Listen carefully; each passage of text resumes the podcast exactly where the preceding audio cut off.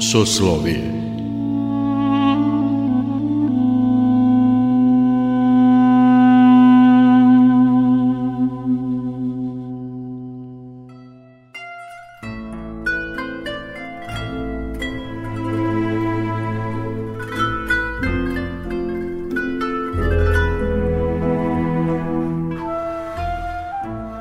Slušate Soslovije, religijski nedeljnik Radio Novog Sada.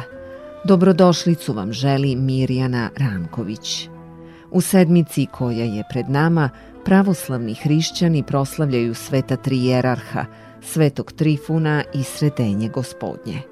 Svetitelji Vasilije Veliki, Grigorije Bogoslov i Jovan Zlatousti imaju svaki posebno svoj dan praznovanja u mesecu januaru – a ovaj zajednički praznik ustanovljen je u 11. veku za vreme cara Aleksija Komnena i proslavlja se 12.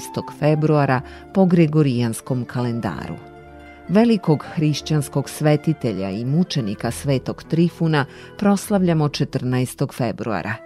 Trivundan je velika slava mnogih porodica i vinogradara, kalemara i voćara – Veruje se da Sveti Trifun štiti sela i naselja od grada i poplava, odnosno da je čuvar vinograda i drugih useva od raznih štetočina. U vinogradarskim krajevima Vojvodine, Šumadije i Pomoravlja to je najveći vinarsko-vinogradarski praznik. Na ikonama se Sveti Trifun predstavlja kao mladić u svečanoj odeždi koji u desnoj ruci drži krst – a u levoj ruci granu vinove loze ili kalemarski nož za odsecanje grozdova. Otuda vinogradari za uspeh svog posla mole za blagoslov svetog Trifuna. I svaki voćar ili vinogradar, hrišćanin, u svojoj kući ili vinariji ima obavezno ikonu svetog Trifuna – Na dan svetog Trifuna uznose se molitve i čita akatist da grožđe i voće dobro rodi, da godina bude plodna, a i da se bolesnici od gušobolje i bolesti pluća iscele, kao i džamu imani, oni koji su opsednuti demonima. Sveti Trifun nema nikakve veze sa danom zaljubljenih.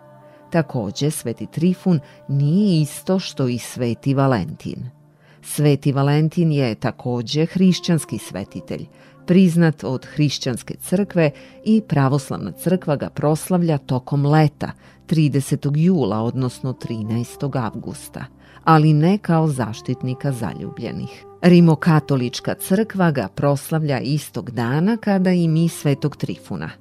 Sveti Trifun rodio se u Kampsadi, u Frigiji, u Maloj Aziji, U žitiju piše da je od Boga dobio dar čudotvornog lečenja i uspeo je da isceli od zlog duha kćerku rimskog cara Gordija. Po povratku iz Rima razdelio je siromašnima sve dobijene carske darove i nastavio da u svom selu čuva guske. U vreme velikog progona odbio je da se odrekne Hrista, zbog čega je ubijen 250. godine. Sveti Valentin je postao pokrovitelj zaljubljenih u 14. veku i to prvo u Engleskoj i Francuskoj. Postoje mišljenja da je Sveti Valentin zamenio kult boginje Junone – koja je slavljena istog dana i bila u starom Rimu zaštitnica porodice i braka, zbog čega se tog dana ženama poklanjalo cveće. 15. februara proslavljamo Sretenje gospodnje. Kod hrišćana sretenje se slavi na 40. dan od Božića – slavio se kao dan državnosti Srbije do nastanka Kraljevine Srba, Hrvata i Slovenaca, nakon čega je ukinut, da bi u Srbiji ponovo počeo da se slavi od 2002. godine. Sretenje gospodnje je crkveni praznik i uspomena na dan kada je Bogorodica prvi put uvela u hram novorođenog Hrista da ga posveti Bogu. Sretenje gospodnje proslavlja prvi susret Boga i čoveka pod svodovima Jerusalimskog hrama i sretenje novorođenog Mesije koga je u naručje primio pravedni starac, poznat kao sveti Simeon Bogonosac. Sretenje gospodnje je praznik od suštinske važnosti za hrišćanstvo i njegovo značenje ukazuje na prvi susret spasitelja Isusa Hrista sa ljudima – U našem narodu postoji verovanje i da se na sretenje gospodnje sreću i razdvajaju zima i leto. Sva tri praznika, i sveta tri jerarha, i sveti trifun, i sretenje gospodnje, svedočanstvo su ljubavi gospodnje prema nama. To je i razlog što večeras slušamo deo predavanja oca Branislava Đuragića o bezgraničnoj ljubavi Božijoj.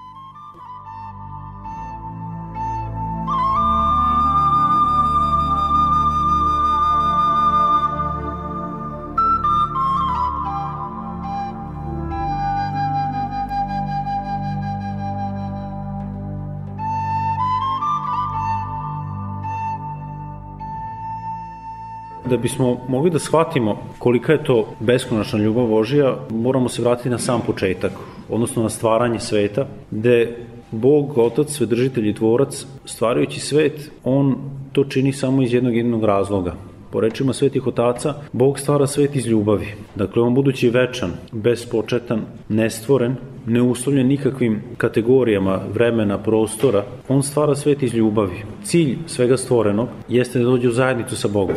U prvoj knjizi postanja čitamo i, i vidimo da Bog stvarajući svet za sedam dana, šestoga dana, poslednjega dana stvaranja, on stvara čoveka. I čovek je sazdan i stvoren kao kruna svega što je Bog stvarao. I ne samo to, ono što je cilj čovekovog postojanja na zemlji jeste da čitavu tvorevinu, vidljivu i nevidljivu, sjedini sa Bogom prinese Bogu. Vidimo da prvi ljudi, Adam i Eva, obitavaju u toj bezgraničnoj ljubavi Božijoj. Od Boga dobijaju jednu jedinu zapovest, da ne jedu sa drveta poznanja dobra i zla. Nažalost, naši pravoditelji nisu ispoštovali tu zapovest i pokazuju da je Bog stvorio čoveka slobodnim. To je da čovek ima takvu slobodu da može da odabere i da kaže ne Bogu. U raju Bog, videći da su ljudi sagrešili, da je smrt. Bog odmah po prestupu praroditelja Adama i Eve daje obećanje o iskupitelju, o spasitelju. Dakle, Bog ne ostavlja svoj narod,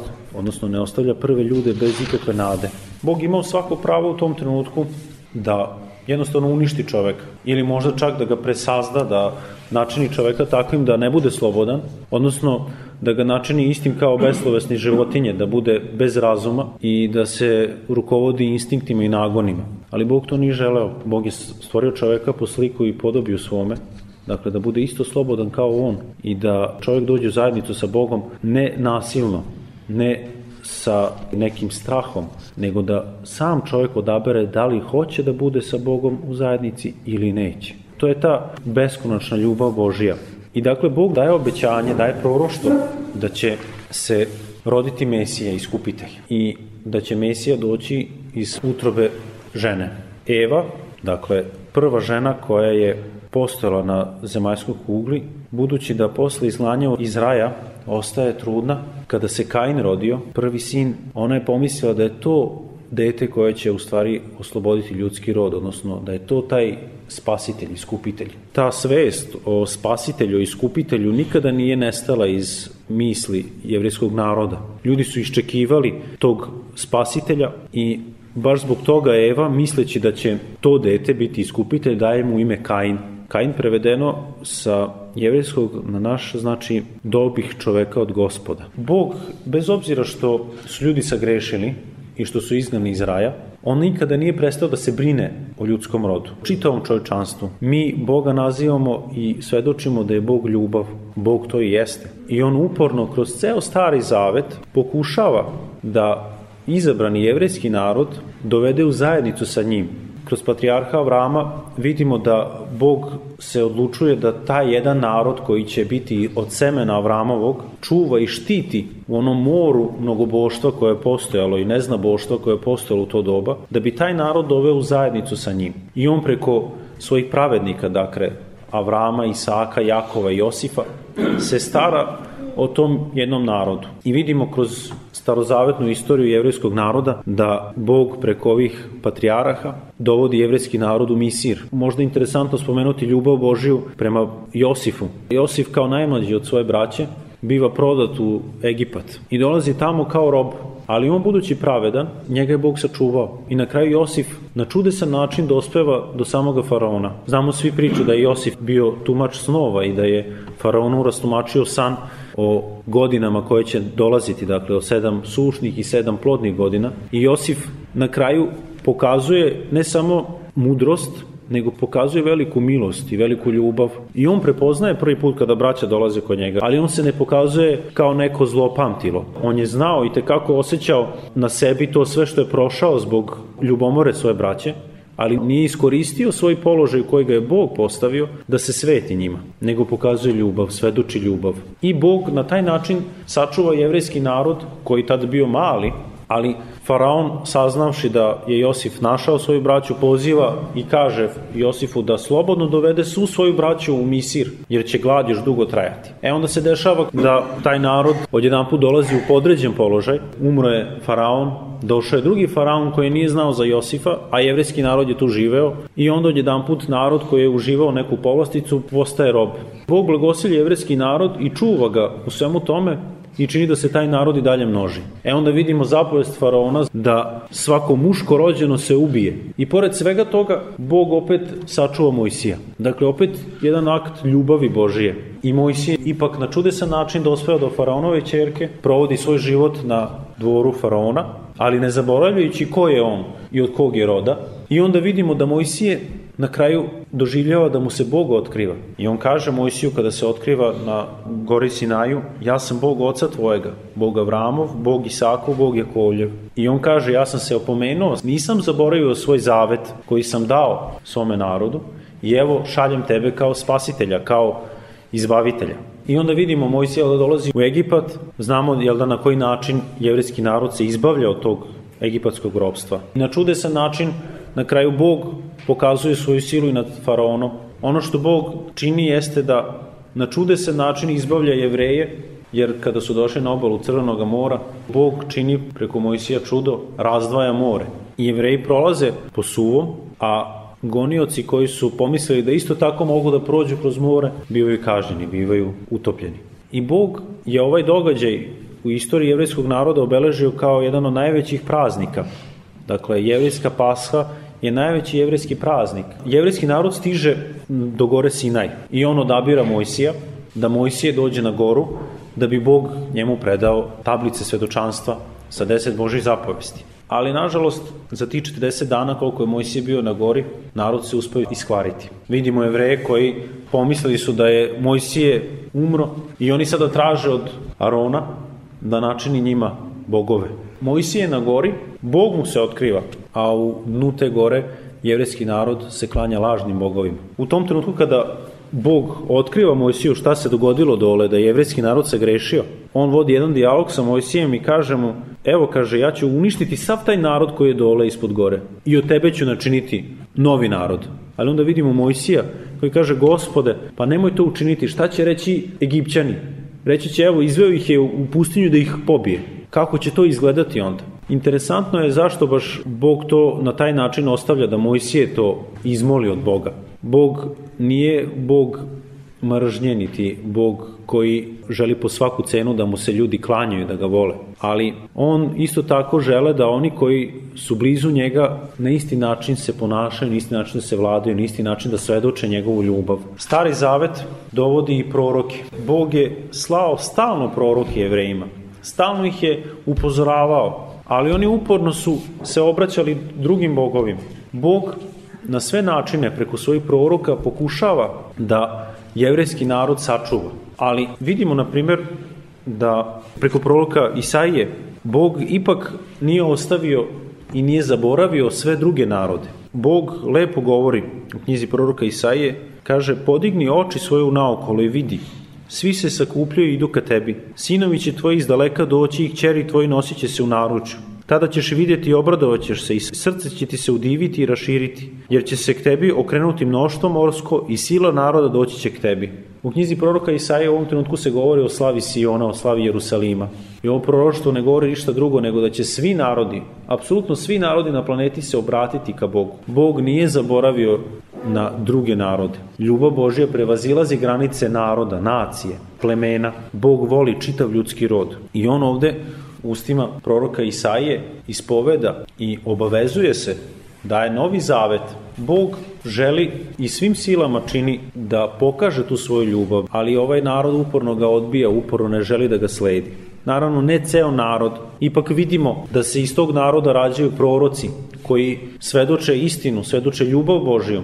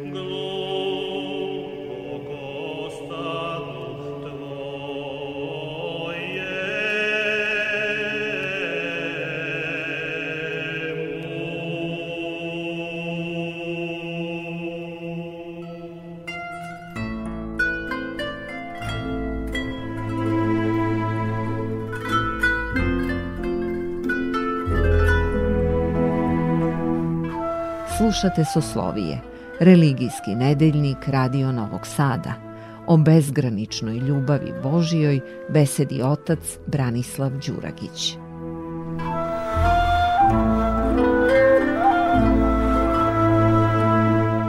Kolika je to ljubav? I ne samo to, Bog je znao šta će se dogoditi sa njegovim sinom i kako će taj narod da prihvati njegovog sina. Znamo, jel da, da gospod došavši na zemlju propovedajući svoje evanđelje, evanđelje ljubavi, on biva prezren od svojih odbača. Jevrejski narod, pogotovo jevrejski starešini i književnici, nisu hteli da ga prihvate kao mesiju, jer to navodno nije bio taj mesija koga su oni čekali. Zašto? Zato što je gospod otkrivao njihova zla, otkrivao njihovo licemerje, pokazujući da to što oni čine, zakon koji je Bog dao su ga potpuno promenili. Zakon nije bio idol, zakonu se nije trebalo služiti po svaku cenu. I on isto tako Podseća ih na proroštvo proroka Isaije, gde gospod govori milosti hoće, a ne žrtvo prinošenja. Spasitelj to svedoči svojim životom. I dakle, Bog kroz čitavu istoriju staroga zaveta i u novome zavetu pokazuje šta je njegov put, šta je cilj svakoga čoveka. Bog, došavši na zemlju, pokazuje ogromnu ljubav i ono šta je Bog učinio, gospod Isus Hristos na kraju biva raspet. Jevrejski starešine na prevaru hvataju gospoda uz pomoć njegovog izdajnika. Prvo su načinili lažni i namontirani sudski proces, presuda se znala da je kriv. I gospod sve to trpi i ništa ne odgovara na optužbe koje iznose jevreji protiv njega. I ne samo to, gospod biva strašno mučen, šiban.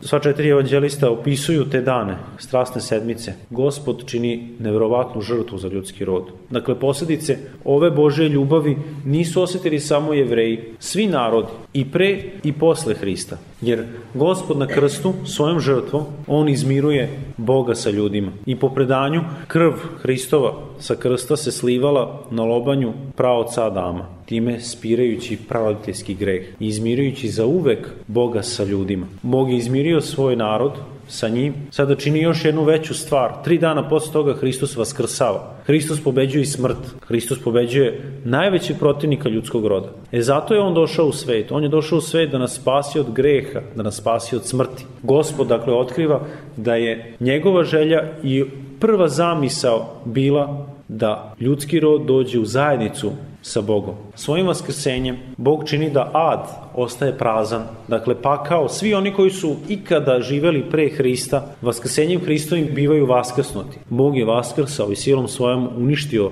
tu svezu smrti koja je vezivala ljude za greh i činila ih robovima grehu. I isto jedan događaj koji ne možemo zaboraviti i ne smemo zaboraviti, a to je da 50 dana po svome vaskrsenju Gospod šalje Duha Svetoga, utešitelja kako ga on sam naziva. Gospod od nas želi da mi budemo isti kao on. On kaže budite savršeni kao što je savršen Otac vaš nebeski. To je ideal ka kome mi stremimo. I sad kao ljudi pomislit ćemo pa to je apsolutno nemoguće. Kako može čovek da tako nešto učini? Da bude savršen kao Bog? Gospod isto u evanđelju odgovara, ljudima je ovo nemoguće, ali Bogu je moguće. I baš zbog toga što Bog zna kakvi smo mi, kakva je naša priroda, da smo grešni, da stalno padamo, baš zbog toga On nama daje utešitelja Duha Svetoga. Mi ga primamo na krštenju. Isto tako, pored želje da dođemo u zajednicu sa Bogom, mi imamo zapovest od Boga da ljubimo neprijatelje svoje. Ljubite neprijatelje svoje. I Bog dajući ovu zapovest zna da je nama ljudima nemoguće da to činimo. Svojim silama mi nismo sposobni ništa da činimo nego samo da grešimo. E zato nam Bog daje duha utešitelja, duha svetoga. I sveti oci svedoče i poučavaju nas da je naš jedini cilj u životu da stičemo blagoda duha svetoga. Da je to svrha našega postojanja na zemlji kao hrišćanina. Da svako od nas može da dostigne ovaj ideal. Dakle, da se upodobimo ljubavi Božoj samo ako ćemo to činiti uz pomoć blagodati duha svetoga. Svojim silama mi smo nemoćni, mi ne možemo ništa da učinimo. I zato je Bog želeo da dođe u svet, da pokaže ljudima svoj put, da je on ljubav, da je on beskonačna ljubav, da on oprašta svakome samo da se pokaje, samo da pokaže spremnost da se pokaje za grehe svoje i onda će ga Bog iskupiti, spasiti. Ne postoji ništa što može čoveka da odvoji od Boga. Ako je čovek taj koji se iskreno kaje, Bog prima njegovu žrtvu, prima njegovu pokajnu molitvu i želi da dođe u zajednicu sa Bogom. On zna tačno šta je svakome od nas potrebno. I to nam svakoga dana daje. Samo kada pomislimo da imamo zdravlje, da imamo najosnovnije, imamo krov nad glavom, imamo šta da jedemo, imamo šta da pijemo. Bog nam sve to daje svakoga dana. Mi možda mislimo, imamo utisak da mi to stičemo sebi, svojim radom, svojim trudom. Ali zaista, kada malo čovjek bolje razmisli o svemu, onda u stvari shvatamo da smo stalno u milosti Božije. Da Bog stalno na, na jedan čudesan način svakome od nas pokazuje i dokazuje da sve što nam je potrebno svakoga dana nam je dato, dobijamo na dar, ničim zasluženo. Ljubav Božija je zaista beskrajna i beskonačna jer se pokazuje kao jedna sila koja pokreće čoveka na dobro. I mi smo svi pozvani da svedočimo da je Bog ljubav svakoga dana, jedni prema drugima i da ta naša ljubav se ne kreće samo u krugovima naših prijatelja, poznanika, porodice, bliže, dalje rodbine, nego ono prevazilazi to da ljubimo i neprijatelje svoje. Kao ljudi to ne možemo činiti, ali blagodaću Duha Svetoga mi to možemo da činimo i treba da činimo. I na taj način svedočimo da smo učenici Hristovi. To gospodi kaže svojim apostolima. Ako budete imali ljubavi među sobom, svi će znati da ste moji učenici. U one priče o strašnom sudu, gde se kaže da će Bog reći onima sa desne strane, hodite blagosloveni oca mojega, jer kad sam bio žedan, napojili ste me, kad sam bio gladan, nahranili ste me, kad sam bio nag i bolestan i u tamnici obiđu ste me. A onda oni pravednici pitaju, ali kad smo te videli? I gladna, i žedna, i bolesnog, i u tamnici. I gospod odgovara, kad učiniste jednom od ovih najmanjih, meni ste učinili. A isto tako u potpuno suprotno onima koji su sa leve strane. Mi svedočimo Boga, svedočimo ljubav njegovu kada to činimo najmanjem, najmanjem čoveku, najmanjem biću, dakle kao hrišćani i tekako smo pozvani da čuvamo tvorevinu, I na taj način projavljujemo tu beskonačnu i beskrenu ljubav Božja. Bog je ljubav i ništa drugo ne treba da činimo. To je jedino što smo dužni. I to je ono što Bog od nas traži. Prvo mi koji smo u crkvi da to svedočimo. Mi ako u crkvi pokazujemo da smo koristoljubivi da ćemo činiti samo oni koji, onima koji nama čine, sam Bog kaže kakva nam je hvala, šta imamo od toga. Bog želi da mi svedočimo ono što je On, a On je ljubav, beskrana ljubav, beskonačna ljubav. I to je ono što je naš cilj u ovome svetu. Svakoga od nas, svakoga dana. Ne moramo mi da pokrećemo neke velike humanitarne akcije, da se staramo za gladne koji žive u Africi ili tako dalje. Pa mi pored naše kuće sigurno na 200-300 metara ili možda u nekom krugu od kilometara imamo neku porodicu ili neke ljude koji su u nekoj nevolji. Pozvani su da pomognemo svakome. To su naši bližnji. I da uvek pokazujemo na svakom mestu, svedočimo da smo sinovi Božiji, da smo deca Božija, tako što ćemo svedočiti milost. I to je interesantno, isto čovjek kad se zapita, pa dobro, ja nemam sad para, ja nemam materijalnih sredstava, ja sam siromašan, šta ja mogu da pomognem nekome, ne mogu ni sebi da pomognem. E onda gospod odgovara da kada nemaš šta da daš ubogom, ti se onda pomoli Bogu za njega. E to je ono što svako od nas u svakom trenutku može da učini. Pa to je jedan korak. To je ono što Bog želi da poruči svetu preko nas kao hrišćana, Dakle, mi smo ti koji smo pozvani, kako se kaže u Evanđelju, da vide dobra dela naša, koja će proslaviti Oca našega koji na nebesima, da se naša svetlo svetli pred ljudima. Jer će tako ljudi upoznati Boga. Oni mogu da uzmu čitaju Bibliju i da čitaju Novi Zavjet, pa kažu sve je to lepo što tu piše, ali da vidim ja kako se vi ponašate, kako se vi vladate. A onda kada čovjek dođe u crkvu, umesto da nađe jednu zajednicu koja diše, da kažem, ljubavlju i duhom Božim, nailazi da ipak tu ljudi su ipak samo ljudi i da sve pokušavaju da rešavaju na ljudski način. E to je ono što mi nekad u životu zaboravimo, da Boga i sve oko nas svedočimo na ljudski način, odnosno da probleme koji nas snalaze rešavamo ljudski a ne pomislimo, a kako bi to gospod rešio, šta bi on učinio u ovom trenutku. A u Evanđelju imamo toliko primera koji nam svedoče kako Bog rešava razne situacije. I uvek sa ljubavlju, uvek sa posebnom pažnjom, sa posebnom milošću. Dakle, čak i ako nemamo šta da damo nekome, onda da uputimo molitvu. I molitvu ne samo prema prijateljima, nego i prema neprijateljima. To je ono što bi smo mogli da kažemo da je beskonačna ljubav Božija.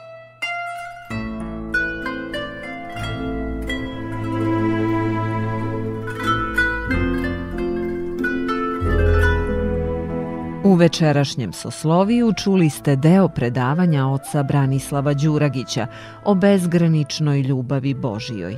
Soslovije realizovali ton majstor Sabina Nedić, urednik emisije Mirjana Ranković.